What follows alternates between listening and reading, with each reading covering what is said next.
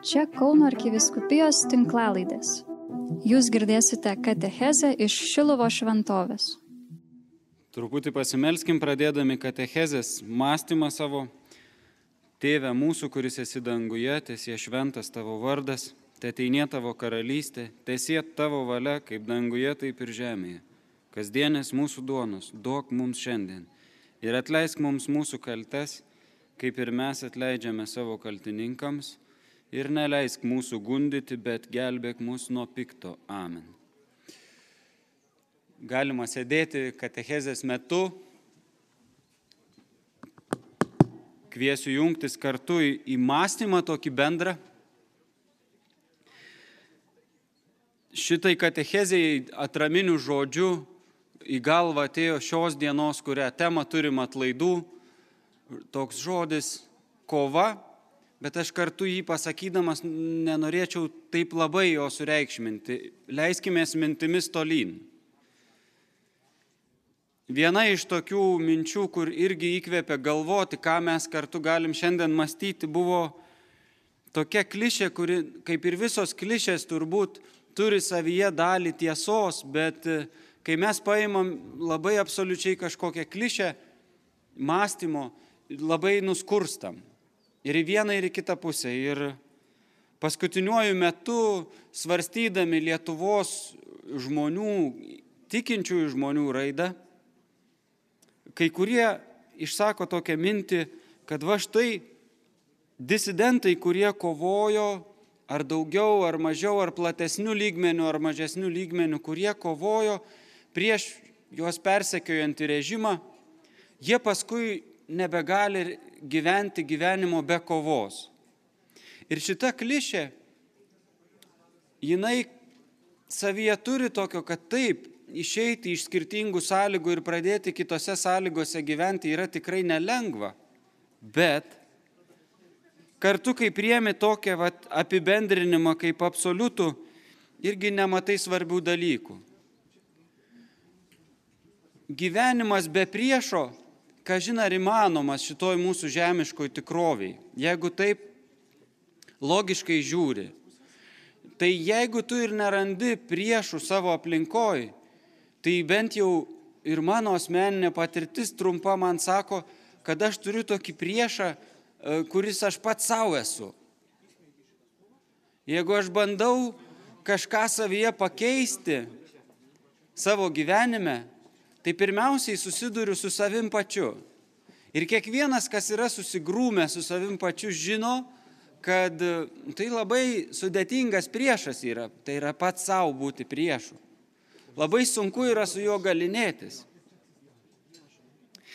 Šita klišė, kurią užsiminiau, kad ne va tai žmonės, kurie kovojo prieš kažką ir už kažką, paskui išėjo į kažkokį ramesnį laiką, nebemoka būti be priešo, turi savyje tam tikrą žinę, bet vis dėlto tai nėra evangelinis mąstymas. Pasakyti, kad niekas nėra priešas, nėra evangelinis mąstymas. Evangelinė žinia yra kiek kitokia.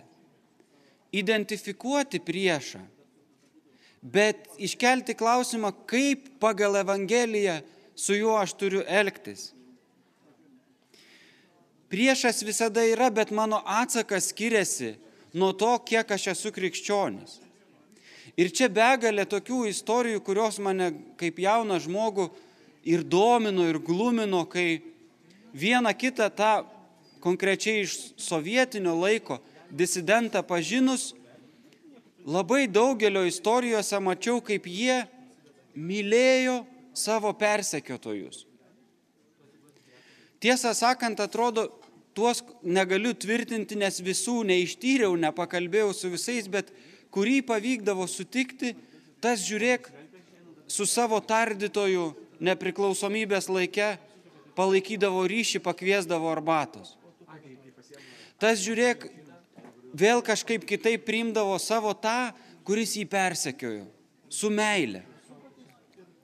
Ir čia šita žinia mums, kurie sprendžiam savo gyvenimo klausimus, atsidurėme įtampose visuomeniai ir natūraliai pradedam šiek tiek skaldytis, atrasti kažką kitą, nebūtinai gal kaip priešą, bet priešingos nuomonės žmogų. Mums labai svarbu iškelt savo šitą klausimą. Jeigu kažkas yra mano priešas, koks tinkamas yra mano krikščionio atsakymas? Ir kad kova man yra labai svarbus dalykas gyvenime kaip krikščioniui, bet ypač svarbu yra, kaip aš kovoju, kokios yra mano kovos taisyklės, kaip aš gerbiu savo priešininką.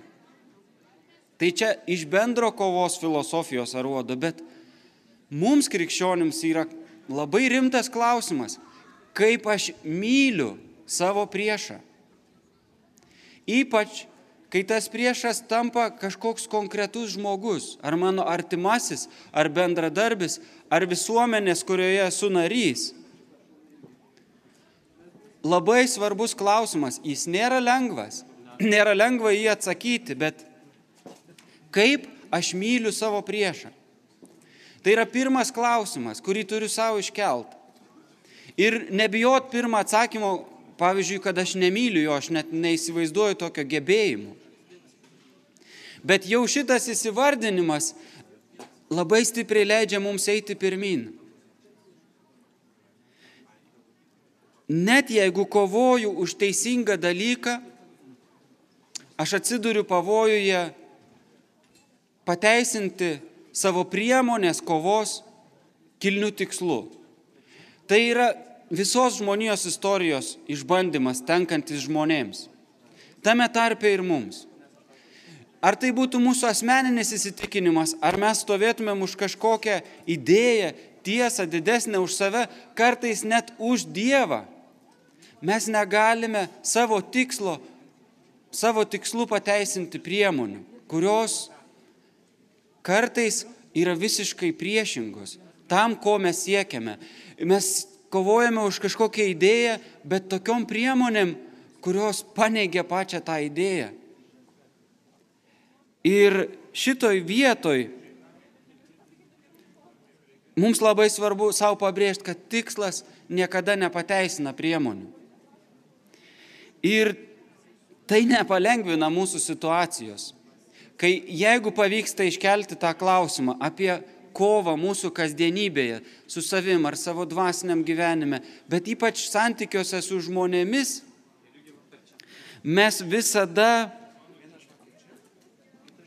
atsiduriam tokiam nu, įtampos taške, nes mes neturim laiko, kada galėtumėm pasvarstyti ir nuteikti save kovai, nes jį tiesiog vyksta, ypač santykėje su bendradarbiais, santykėje su savo šeimos nariais ar kažkokiais aplink mus esančiais žmonėmis. Viskas vyksta einamojų momentu ir nėra kada pasvarstyti. Tu nespėjai susigalvoti savo vidui, kad galėtum ateiti vėl į tą kovą. Ir dėl to labai sunku yra spėti save apsaugoti nuo tokios situacijos, kad tu sieki tikslo netinkamom priemonėm. Čia iškyla mūsų poreikis turėti dvasinę pusiausvyrą, savo vidinę pusiausvyrą. Šitas poreikis mūsų gyvenime yra labai giliai, kiekviename žmoguje. Šitas troškimas turėti vidinę dvasinę pusiausvyrą yra įrašytas tikrai mūsų prigimti. Ir kiekvienas žmogus šito ieško. Kartais tiesa labai prastom priemonėm ir gauna visiškai priešingą rezultatą kartais niekaip nesiseka. Bet tas vidinis troškimas dvasinės pusiausvyros veda žmogų jos ieškoti. Tai yra autentiškas troškimas. Ir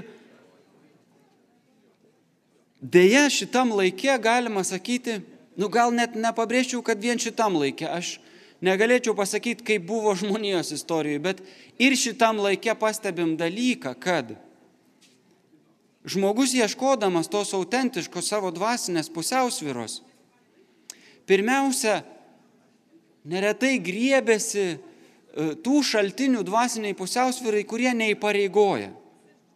Kažkokių tolimesnių savo visuomeniai visuomenės kontekstui, filosofijų, tolimesnių religijų žmogus dažnai griebėsi dėl to, kad šituo būdu ieškodamas dvasinės pusiausvyros jis tampa mažiau įpareigotas. Jis nebūtinai tampa kažkokios visuomenės grupės dalimi, kuri stovi už kažkokią tiesą, už idėją ir yra lengviau tokiais kažkokiais tolimesniais instrumentais ieškoti tos dvasinės pusiausvyros. Šitą sakau nenorėdamas kažkaip pasmerkti ar, ar pašiepti žmogų, bet tiesiog įsivardinti situaciją, kad galbūt kartais mes ieškom tos dvasinės pusiausvyros visai netose šaltiniuose. Ten, kur jos nėra. Vien dėl to, kad baisu yra jos ieškoti tiesiai, sakykime, krikščionybėje, nes joje ieškodamas šitų dalykų tu iš karto eini į didelę visumą. Visumą dalykų, kuria, kuriuos kalba bažnyčia. Deja, tiesa yra tokia, kad be Dievo mes šitos dvasinės pusiausvyros nepasieksim. Visos kitos priemonės gali būti pagalba, bet jos dažniausiai tik nukelia kažkokį vidinį sprogimą tolyn. Mums reikalingas Dievas ir tikroji tiesa, kuri ir yra Dievas, kad galėtumėm pasiekti tikrą dvasinę pusiausvyrą savo viduje, iš kurios galėtumėm ateiti į savo kasdienybės kovą su tokia dvasinė pusiausvyrą kad mes galėtumėm ateiti ir siekti savo to gerojo tikslo tinkamom priemonėm. Visos kitos priemonės yra geros - sportas, dar begalė kitokiausių dalykų, kuriuos žmonės yra atradę - psichologiniai pratimai ir žinios, kaip pažinti save. Bet galiausiai, jeigu neįsime į santykių su Dievu, Aš bijau, kad neįmanoma pasiekti tos tikrosios dvasinės pusiausvyros ir atsinešti į kovos fenomeną su tokia autentiška tikra širdim, sureguliuota. Tai įmanoma tik su tikra tiesa, tai įmanoma tik santykėje su Dievu, kuris nėra jausmas, kuris nėra pajauta tik tais, bet yra asmuo. Asmuo, su kuriuo aš turiu turėti tikrą santykį pažinti jį. Vienas iš pagrindinių instrumentų man turėti santyki su Dievu visada yra malda.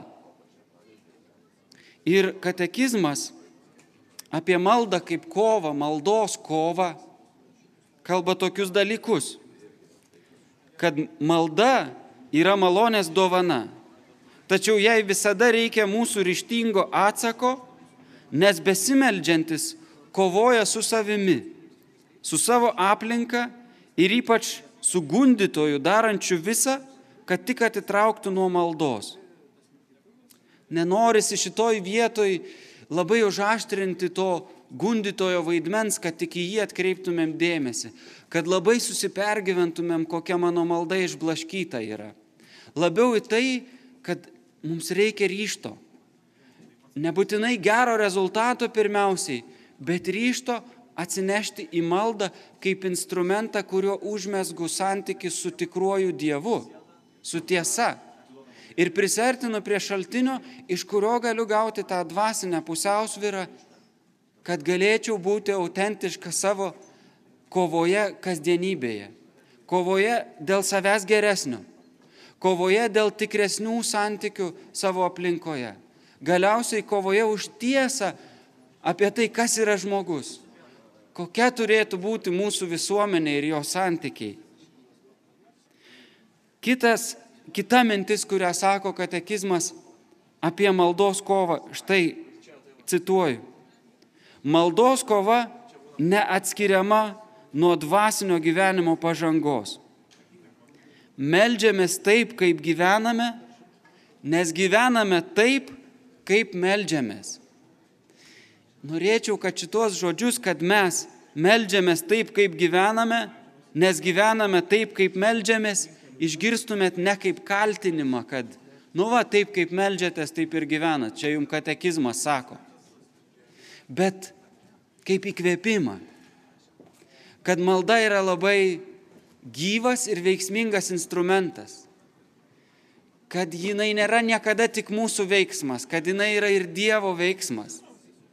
Ir kad tai yra toks veiksmingas instrumentas atnaujinti mūsų ryšį su Dievu.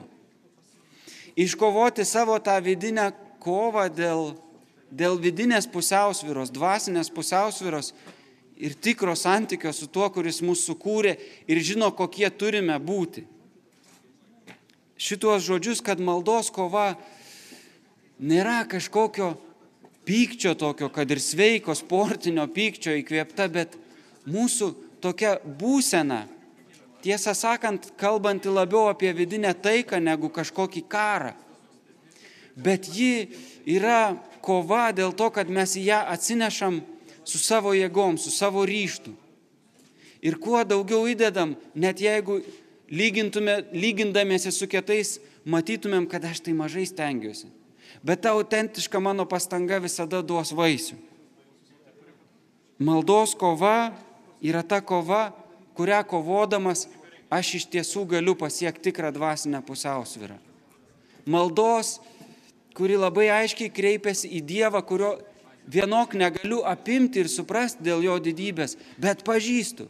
Žinau, kad jis yra vienas Dievas trijose asmenyse.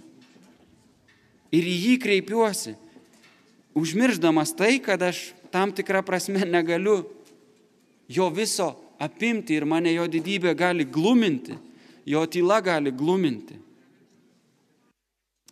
Galiausiai prisiminė man vėl galbūt ir keletą kartų jau kažkur kartoti, cituoti partizanų vado Adolfo Romanausko Vanago tokie dvasinio testamento žodžiai, kuriuos jis paliko mums, kaip tokį dvasinį testamentą, kurio dėje mes neišpildysim, neišpildėme ir greičiausiai nebeišpildysim. Bet e, net ir be to išpildymo manau, kad galime iš jo pasimaitinti. Jis užrašė savo atminimuose tokius žodžius. Aš esu kalbėjęsis su daugeliu eilinių partizanų, taip pat su jų vadais ir mūsų bendras pageidavimas buvo tas, kad tuo met, kai Lietuva atgaus laisvę, kiekviename miestelėje, toje vietoje, kur buvo išniekinti partizanų lavonai, būtų pastatytas kryžius ir paminklas. Kokios gilios vidinės taikos žmogus turi būti, kad dar to karo bevykstančio akivaizdoje, tokio nesažiningo, tokio niekinančio, sugebėtų rašyti tokius žodžius. Kai aš galvoju apie šitą jo dvasinį testamentą, man atrodytų tokia pirma mintis, kad tegul ten būna mūsų priešų lavonai išmėtyti ir išniekinti, ten, kur buvo mūsų brolių lavonai išniekinti, kad būtų atstatytas teisingumas. O jis net neatsitolinęs nuo to įvykių, kaip mes dabar iš toli tai žvelgdami, rašo tokius stiprius žodžius, kad svarbiausia žinutė, kurią norim palikti į priekį mes, kurie čia kovojam ir patyrėm tuos išniekinimus. Galbūt čia yra vyresnių žmonių, kurie dar net autentiškai atsimena tuos vaizdus. Jis sako, pastatykime kryžių toje vietoje. Vienintelis tikros taikos ženklas atrodo, kad yra Kristaus kryžius. Ten, kur Kristus prisiliečia prie žmonių susipriešinimo, su Dievu, vieni su kitais, pačiu jautriausiu būdu savo kančia, savo nusižeminimu pasilenkė prie tų mūsų įtampų, nuo kurių mes tiek savo asmeniniam gyvenime, tiek dabar pasauliniuose labai skaudžiuose dalykuose matom, kur kenčia tauta, tautos. Jie mums palieka šitą dvasinį testamentą. Net jeigu mes kaip visuomenė nesugebėjome šito testamento išgirsti ir atliepti ir iš tiesų pastatyti kryžių kiekvienoje vietoje, kur buvo išniekinti mūsų broliai ir sesės miestelio aikštėse, mes tą kryžių galim statyti savo širdyse. Kristaus kryžių. Jėzaus Kristaus, tikro Dievo ir tikro žmogaus kryžių, kuris pasilenkė prie mūsų skilimo, prie mūsų nuodėmės su visiška taika ir perkeitė. Užbaigė tą karą. Ir jis jį užbaiginėja mūsų gyvenime kiekvieną kartą, kai mes pasilenkiam prie to kryžio. Aišku, labiausiai per išpažinti. Vienintelis tikros vidinės taikos ženklas yra kryžius. Dievo didžiausios meilės žmogui ženklas. Kai mes jį savo širdyje autentiškai atrasim, kad ir po ilgos kelionės, po daug mažų maldų, po ilgų pokalbių ieškojimų, tada mūsų viduj bus ta tikra dvasinė pusiausvyrą. Kristaus taika, iš kurios galėsim ateiti į gerą kovą kasdienybės, maldos, santykių kovą, kovą už teisybę, net labai sunkia, su daug paniekinimų, su daug chaoso dėl naujausių visokių filosofijų ir ideologijų, kurios ir gazdina mus, ir galbūt kažką kartais ir gero atkreipia dėmesį. Todėl užbaigti šitą katechezę man norisi tik maldos žodžiais. Garbiname ir šloviname tave viešpatė Jėzau Kristau, kad šventuoju kryžiumi atpirkai pasaulį. Amen.